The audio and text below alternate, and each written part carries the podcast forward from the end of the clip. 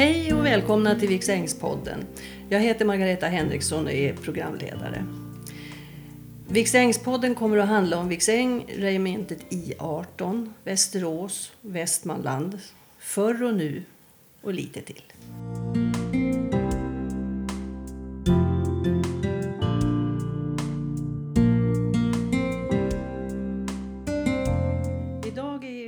Gäst Gunnar Andersson, Västerås släktforskarklubb. Vi ska prata om släktforskning, om hur man börjar och hur man gör. Välkommen Gunnar. Tack så mycket. Ja, hur gör man då när man börjar släktforska? Ja, när man, är, man blir ju intresserad av att titta var kom en släkt ifrån till exempel. Och när man börjar så ska man ju egentligen börja med sig själv. Man pratar med sina anhöriga. Ofta är det ju så att man blir intresserad när man har kommit en bit upp i ålder. Men förhoppningsvis så har man både en far och en mor kvar. Och finns inte de, ja då blir det lite svårare kanske. Men vad man ska börja med det är ju att intervjua sina anhöriga i första eh, delen så att man får ett hum om vad vet man egentligen. Eh, sen börjar man eh, sammanställa lite fakta kring eh, sin far och sin mor när de är födda och när de är, har avlidit, när de gifte sig till exempel. Och sen ska man passa på att titta igenom kvar, kvarlämnade saker från sina anhöriga. Har man lagt upp en låda på vinden så kan det finnas väldigt mycket intressant information där som ens föräldrar har skrivit eller farfar och farmor och mormor och morfar till exempel har lämnat kvar vissa saker. Som man också kan använda i den här sökandet efter sina anor. När man väl har eh, fått en liten struktur så kan man ju börja intressera sig för att ta reda på ytterligare saker. För det är ofta så att när man vill eh, komma djupare in i släktens anor så måste man leta i kyrkböcker. Och idag finns det flera aktörer som man kan söka igenom olika kyrkliga anteckningar. Så när man har antecknat mycket så ska vi fortsätta här att ta reda på vidare.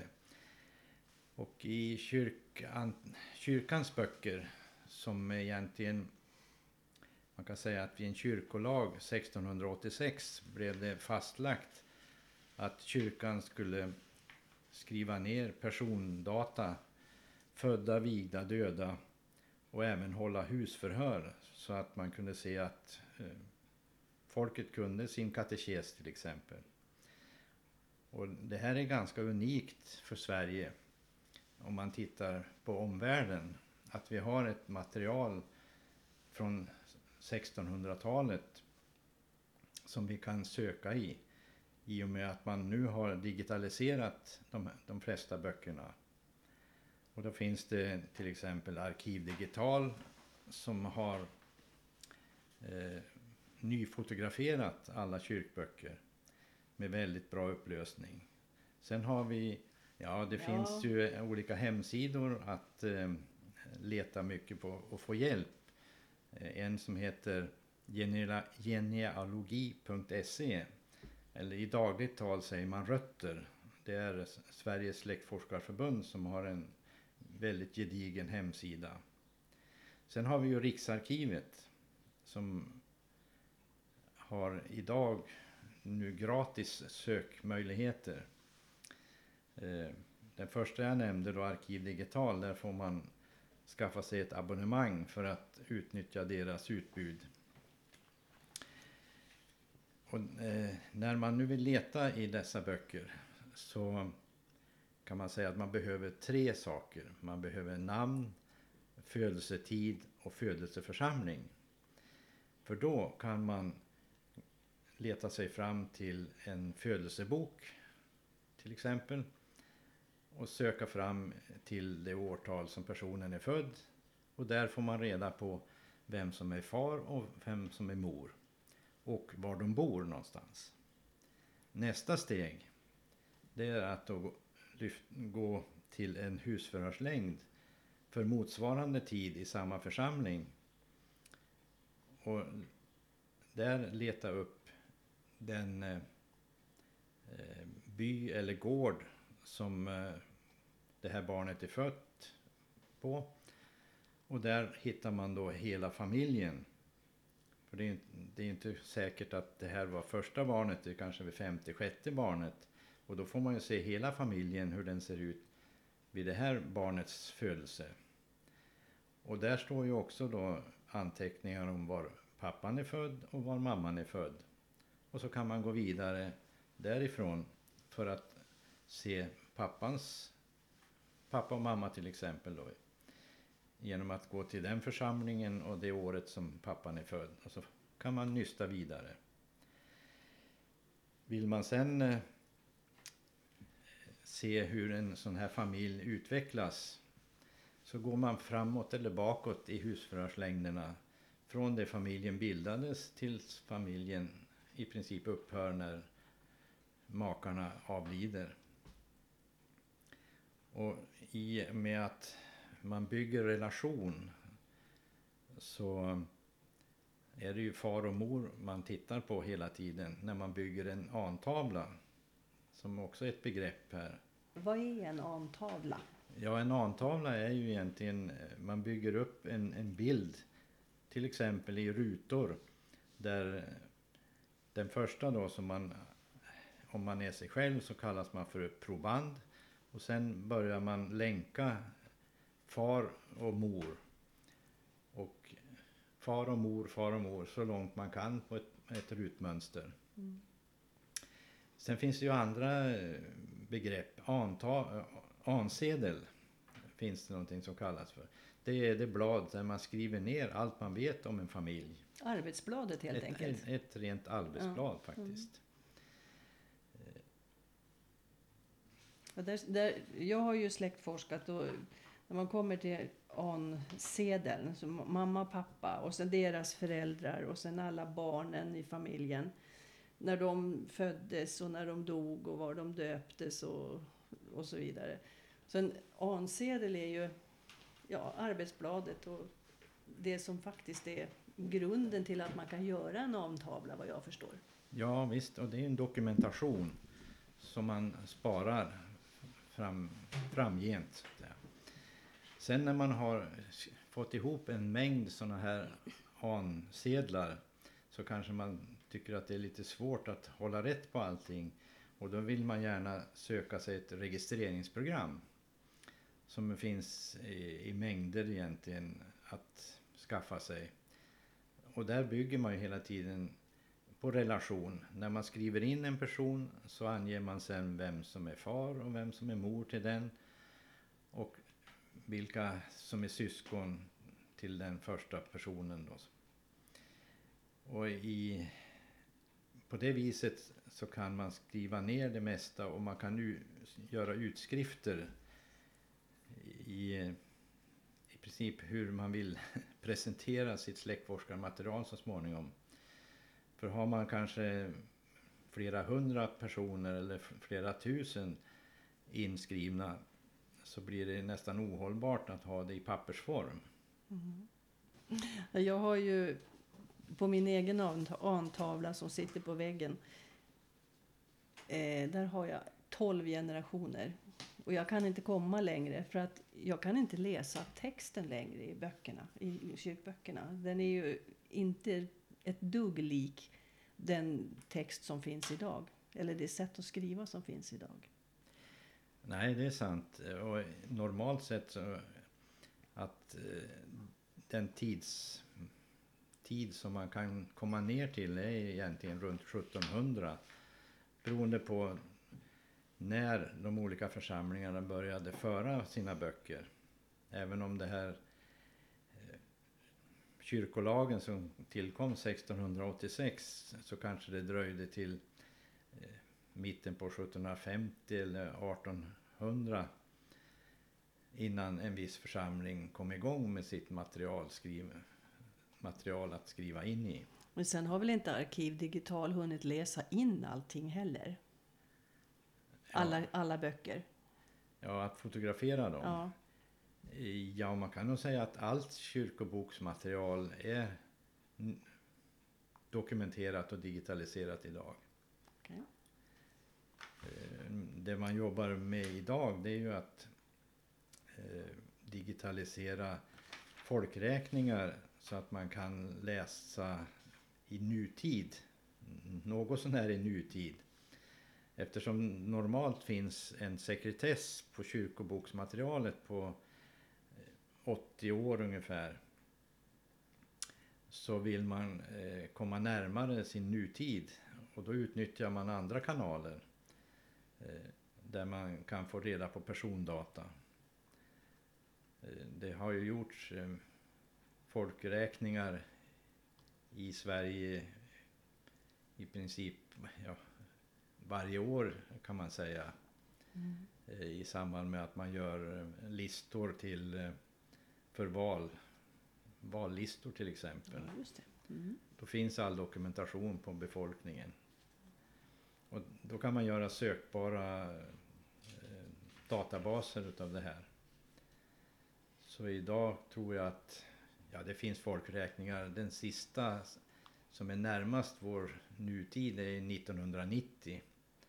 Men det finns då folkräkning 1980, 1970 och nu jobbar man i det här mellanskiktet som var svårt att släktforska i förut på 40-talet, 30 och 40-talet.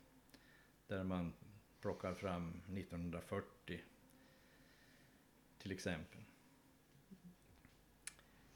För man behöver lite hjälp eh, att söka också. Ja, och det viktigaste redskapet utav allt för att man ska kunna överhuvudtaget vara på Arkiv Digital, det är ju att man faktiskt har en dator. Eh, det är det ju, man måste Mm. ha tillgång till internet. Ja. för att söka. I och för sig eh, så tillhandahåller biblioteken idag eh, släktforskarplatser där man har abonnemang på både Arkiv Digital och eh, Riksarkivets utbud. Men det, det är ju inte bara Arkiv Digital som man kan vara på. Men man kan ju lägga upp sin släkttavla till exempel på Ancestry eller på MyHeritage. Och det är ganska spännande när man ser, när man ser hela släkten liksom växa fram på datorskärmen. Ja, det, eh, så är det ju. Det finns ju erbjudanden idag att lägga ut det på, på internet och via Ancestry till exempel som du sa. Eh, Kruxet där det är väl att man äger inte sitt material till slut. Eh, när man slutar det abonnemanget eller vill avsluta det så försvinner det så att säga. Det är möjligt att det går att tanka ner något av det men eh, för min del så föredrar jag att ha det i min egen dator. Och känna att det här är mitt material här. Eh, för de flesta registreringsprogram idag klarar av på samma sätt. Det man vinner på de här internetbaserade det är ju att man får, eller programmet där söker av och letar efter personer som har samma anor som en annan har. Och då presenterar det att nu kan du leta här också. Och så kan man kommunicera med den som har det materialet. Och ta hjälp av varandra. Det är ju liksom inte bara att börja på det där och släktforska hemma vid köksbordet med, tillsammans med datorn heller. Utan man behöver ju gå på kurs. Ja, det är faktiskt ganska bra att gå in, passa på att gå en cirkel. För då får man ställa frågor till cirkelledaren bland annat och man kan jobba ihop med flera andra deltagare så att man känner sig hemma på söksätten och verkligen letar fakta så att man inte kommer på fel spår. Mm, för det är lätt hänt. Det är ju väldigt lätt hänt när många namn är likartade på det som man söker och då kan man hamna på helt andra familjer än vad man borde vara på. Mm, jo, det, har, det har hänt. Kan, har du några råd om litteratur som man kan läsa som nybörjare? Ja, det finns eh, att lära sig släktforska böcker. Eh, och man kan gå på biblioteket och titta vad de har. Det närmaste bibliotek som man känner till då, för de har ofta en hylla med material. Sen eh, nämnde vi tidigare då genealogi.se eh, som är då Släktforskarförbundets hemsida. Där finns det väldigt mycket material och databaser som man kan botanisera i. Och rötter.se, där kan man få väldigt, väldigt god hjälp. Ja, det den, Mm, Det är det, ja. det är, Mm, den kallas för rötter i dagligt tal. mm, mm. Men vilka är det som håller kurser vanligtvis? Ja, de flesta utbildningsinstitut har någon form av cirkelverksamhet i släktforskning. Eh, de brukar ju också annonsera när hösten börjar närma sig. Eh, det kommer ofta utskick i, i cirkel, för cirklar under hösten i alla fall. Mm. Eh, Du Gunnar, hur långt har du kommit i tiden, tillbaka i tiden, på din egen släktforskning? Ja, det kan man väl säga att i princip där kyrkoböckerna börjar. Eh, och jag har en person som är född eh, precis i slutet på 1600 som eh, var soldat och han stupade i slaget i Helsingborg 1710. Men han han lämna ifrån sig en son. Och där, eh, dit kom jag så att säga. Sen finns det inget mer att söka där. Eh, Många utmaningar är ju att leta okända fäder. Eh, när barnet är fött och så står bara mamman där. Eh, och det finns ju många teorier hur man ska försöka med sånt men det är inte... Ofta blir det stopp i släktforskningen där.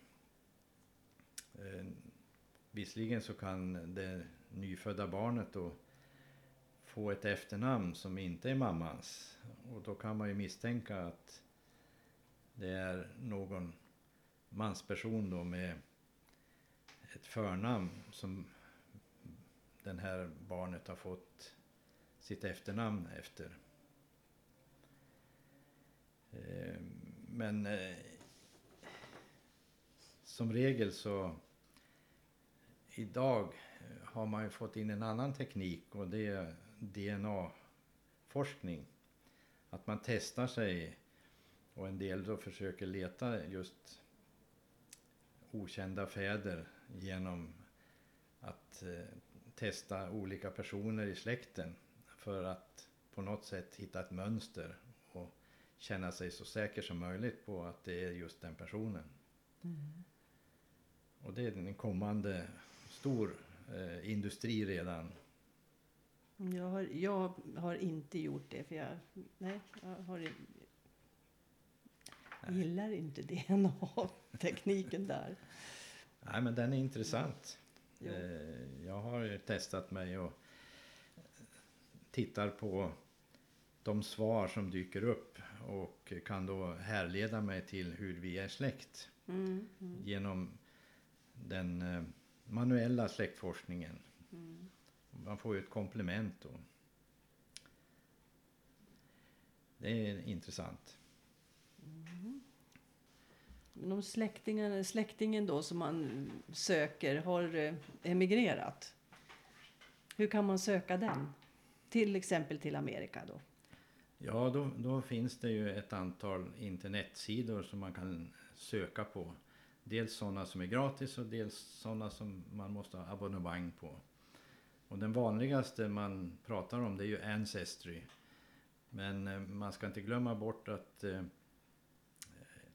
det finns en som heter familysearch.org som är en kyrklig eh, hemsida som är, väl så bra för att söka. Det är väl Eh, mormonernas... Det är mormonernas Ja, hemsida. Eh, och eh, de samlar ju material. Eh, Ancestry är ju en formidabel databas idag som digitaliserar alla, allt vad man kommer över egentligen. Mm. Eh, sen finns det då, om man tänker närmare Sverige så Finland var ju ett land som tillhörde Sverige under bra många hundra år. Och den eh, kyrkobokföringen där är väldigt lik den svenska. Man är lite hårdare där på sekretessen, man har hundra år där. Men eh, det finns eh, motsvarande eh, hemsidor som Riksarkivet. I Sverige finns det även eh, riksarkiv i Finland att söka. De baltiska staterna och Tyskland kan man leta efter Eh, andra hemsidor som, som jobbar just med släktforskning i de här länderna.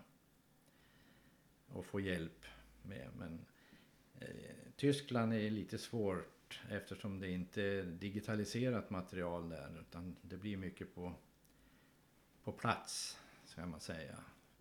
När det gäller Norge så eh, finns det någonting som heter Digitalarkivet där som liknar vårt svenska statliga arkiv.